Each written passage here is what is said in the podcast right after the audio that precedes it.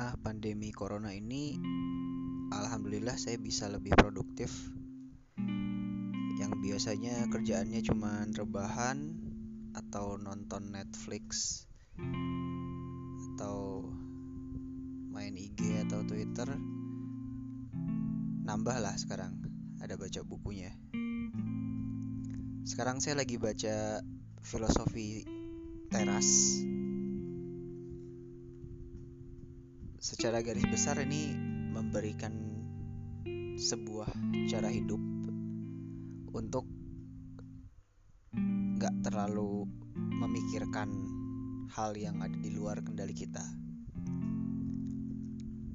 Saya nggak bakal terlalu banyak jelasin tentang bukunya. Yang ingin saya jelasin adalah salah satu chapter yaitu bab 7 tentang hidup di antara orang yang menyebalkan. Nah, di bab ini tuh ada quote yang menarik yaitu sebagai obat untuk melawan ketidakramahan, kita dianugerahi keramahan. Waktu baca quote ini saya ngerasa aneh banget. Maksudnya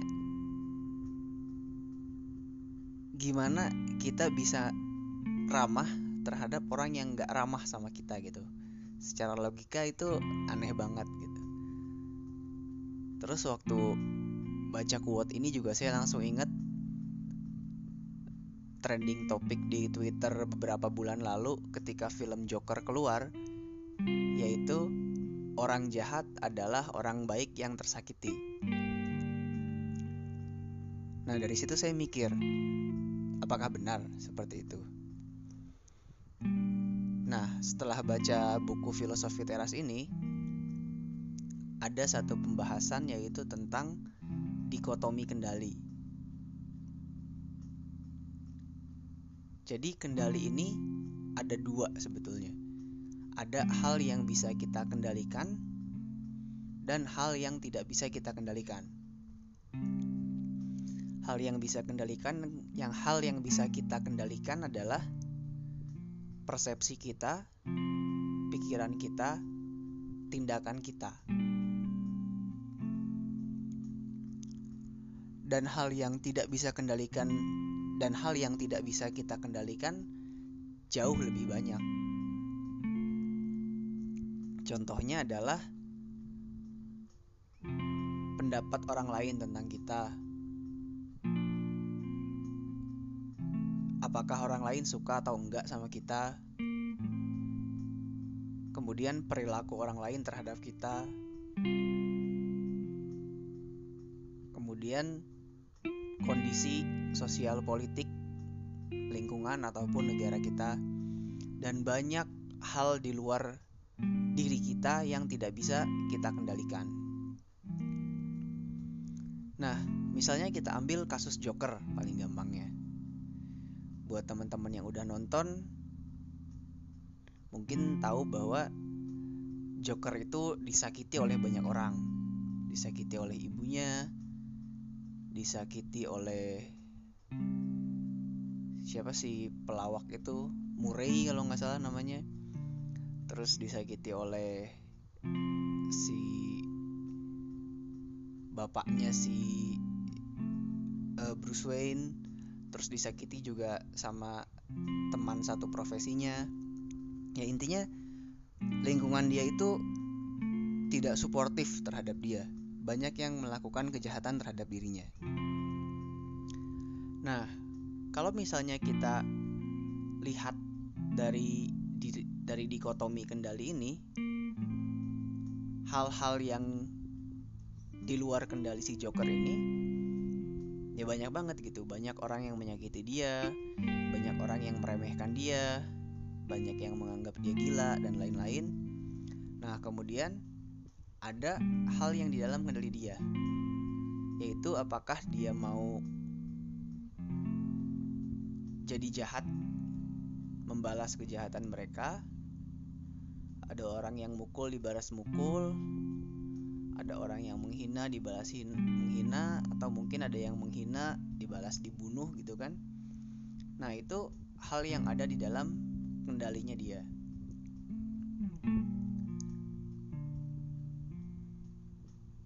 Sih sebetulnya ungkapan orang jahat adalah orang yang baik yang orang baik yang tersakiti saya nggak setuju banget sama itu. Karena kita punya pilihan. Apakah kita akan menjadi jahat dengan membalas kejahatan itu? Atau kita memaafkan dan melupakan kejahatan itu? Itu ada di dalam kendali kita.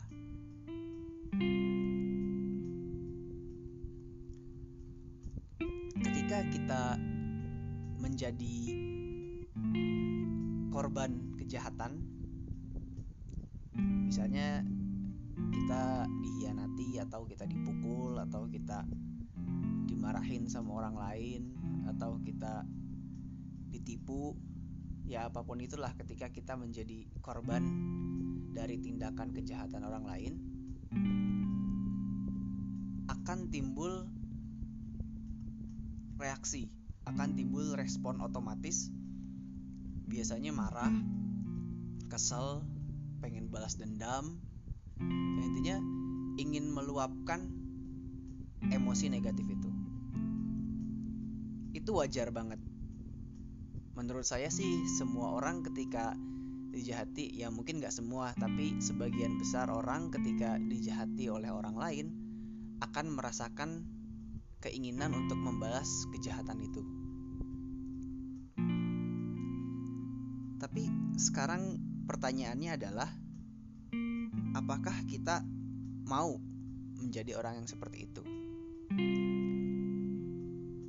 Apakah kita mau jadi orang jahat yang membalas kejahatan dengan kejahatan? Karena saya tahu saya yakin bahwa balas dendam itu akan menimbulkan kepuasan. Ya saya nggak munafik. Maksudnya saya juga pernah membalas dendam saya pernah ketika marah saya balik marah ketika ngegas saya balik ngegas ketika digas saya balik ngegas juga dan saat itu ada rasa puas, ada rasa bangga kita bisa melampiaskan emosi kita. Tapi setelah itu hilang. Merasa menyesal, merasa loh, kenapa saya kayak gini? Apakah saya mau jadi orang seperti ini?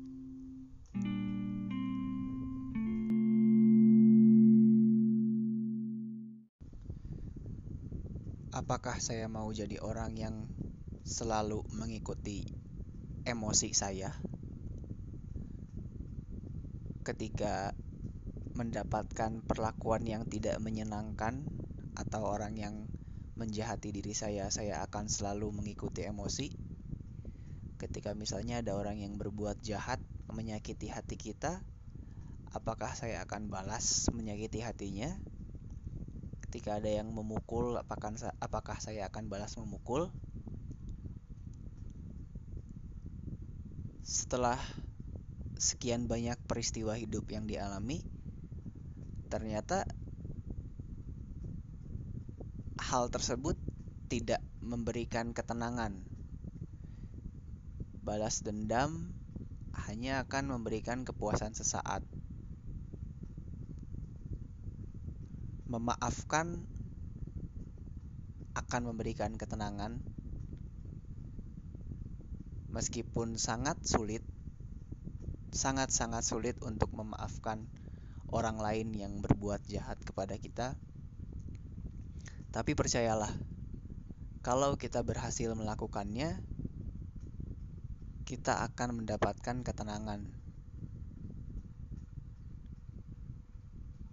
Di buku filosofi teras ini ada langkah-langkah yang bisa dilakukan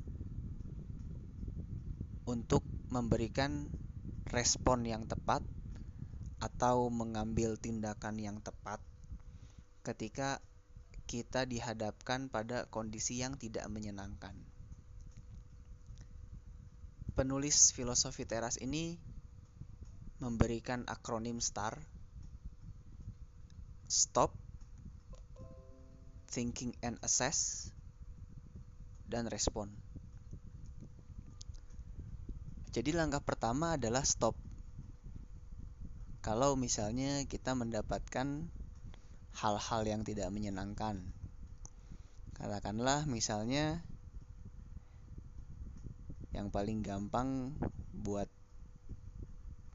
seumuran saya biasanya ada masalah di lingkungan kerja atau masalah dengan pasangan atau masalah dengan teman. Misalnya katakanlah ketika bawa kendaraan di jalan macet nih, stuck di jalan. Katakanlah biasanya dari rumah ke kantor satu jam. Tiba-tiba ini udah satu jam tapi baru setengah jalan gitu. Nah,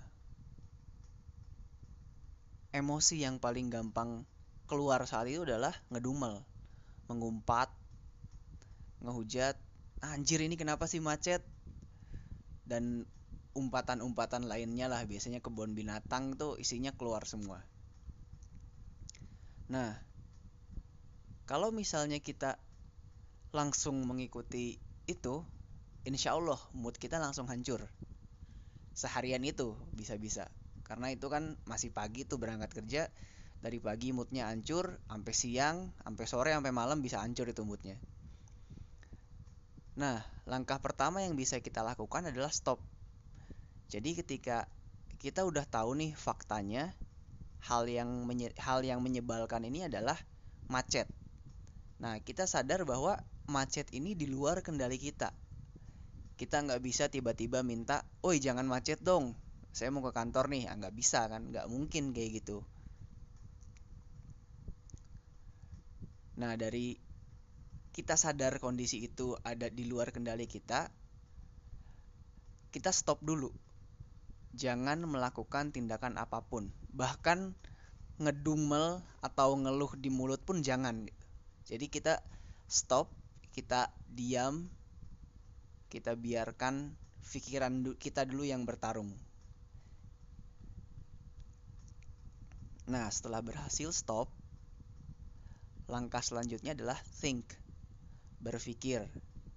Makanya saya tadi bilang, biarkan pikiran kita yang bertarung. Jadi biarkan otak kita yang berperan, otak kita yang aktif untuk ngapain nih? Setelah ini ngapain nih? Kita tahu macet terus setelah ini kita mau ngapain? Apakah kita mau ngedumel atau kita mau dengerin musik mungkin atau kita mau baca buku mungkin atau kita mau update status atau kita mau ngobrol sama penumpang lain. Misalnya kalau misalnya kita berangkat kerjanya bareng atau misalnya sekalian nganter anak atau sama istri mungkin bisa ngobrol kan? Banyak banyak. Kemungkinan hal yang kita lakukan itu banyak. Nah pikirkan dulu pikirkan semua kemungkinan yang bisa kita lakukan dalam kondisi macet tersebut setelah difikirkan baru di assess dinilai setiap tindakan itu apa sih efeknya? Misalnya, tindakan pertama yang paling gampang adalah mengeluh. Kalau mengeluh, efeknya adalah kitanya jadi bad mood. Terus apakah macetnya hilang? Enggak, macetnya tetap. Kemudian opsi lainnya misalnya dengerin musik. Itu opsi yang bagus kita bisa jadi lebih tenang bisa nyanyi-nyanyi atau mungkin carpool karaoke atau mungkin yang suka update status tapi sta update statusnya jangan ngeluh juga sama aja kalau misalnya update statusnya ngeluh atau mungkin nonton YouTube atau mungkin bisa baca buku atau kalau misalnya lagi sama ngantar istri atau ngantar anak kan bisa ngobrol sama anak ngobrolin hal-hal yang menyenangkan jadi nggak kerasa macetnya itu sebuah tindakan yang tepat menurut saya. Nah, langkah terakhirnya adalah respon. Dari sekian opsi tadi, kita tahu dong mana opsi yang akan memberikan efek baik ke kita. Ya, misalnya tadi ngobrol sama istri atau sama anak atau kalau misalnya berangkatnya sendiri ya dengerin musik aja enjoy aja gitu. Jangan sampai ngedumel karena ngedumel nggak bikin macetnya hilang tapi malah bikin mood kita hancur seharian. Nah itu contoh kecil. Maksudnya contoh kecil karena eh, itu biasanya terjadi umum sehari-hari dan tidak menghasilkan sebuah keputusan yang besar. Maksud saya keputusan yang besar adalah mempengaruhi sebagian besar jalan hidup kita gitu misalnya. Keputusan hal si star ini bisa diaplikasikan dalam keputusan besar juga gitu. Jadi bukan cuma keputusan kecil yang kayak tadi yang masalah sehari-hari tapi keputusan besar. Misalnya ketika ingin melanjutkan karir ataupun misalnya mau ambil sekolah lagi S2 atau S3 ataupun misalnya mau mengambil keputusan untuk menikah atau punya anak atau ya keputusan-keputusan penting lainnya juga bisa digunakan si star ini karena ya jangan sampai impulsif gitu jangan sampai kita merasa terburu-buru atau dipengaruhi emosi yang menggebu-gebu sehingga kita tidak bisa menghasilkan keputusan yang rasional dan masuk akal. Nah, jadi balik lagi ke premis awal bahwa kita selalu punya kendali untuk menjadi orang baik atau orang jahat. Jadi nggak ada yang namanya orang orang jahat itu orang jahat itu lahir dari orang baik yang tersakiti. Nggak ada, nggak ada istilah kayak gitu. Jadi mau sejahat apa pun orang lain sama kita, kita selalu punya pilihan. Pertanyaannya adalah kita mau jadi orang yang seperti apa? Mau jadi orang baik atau mau jadi orang jahat seperti mereka.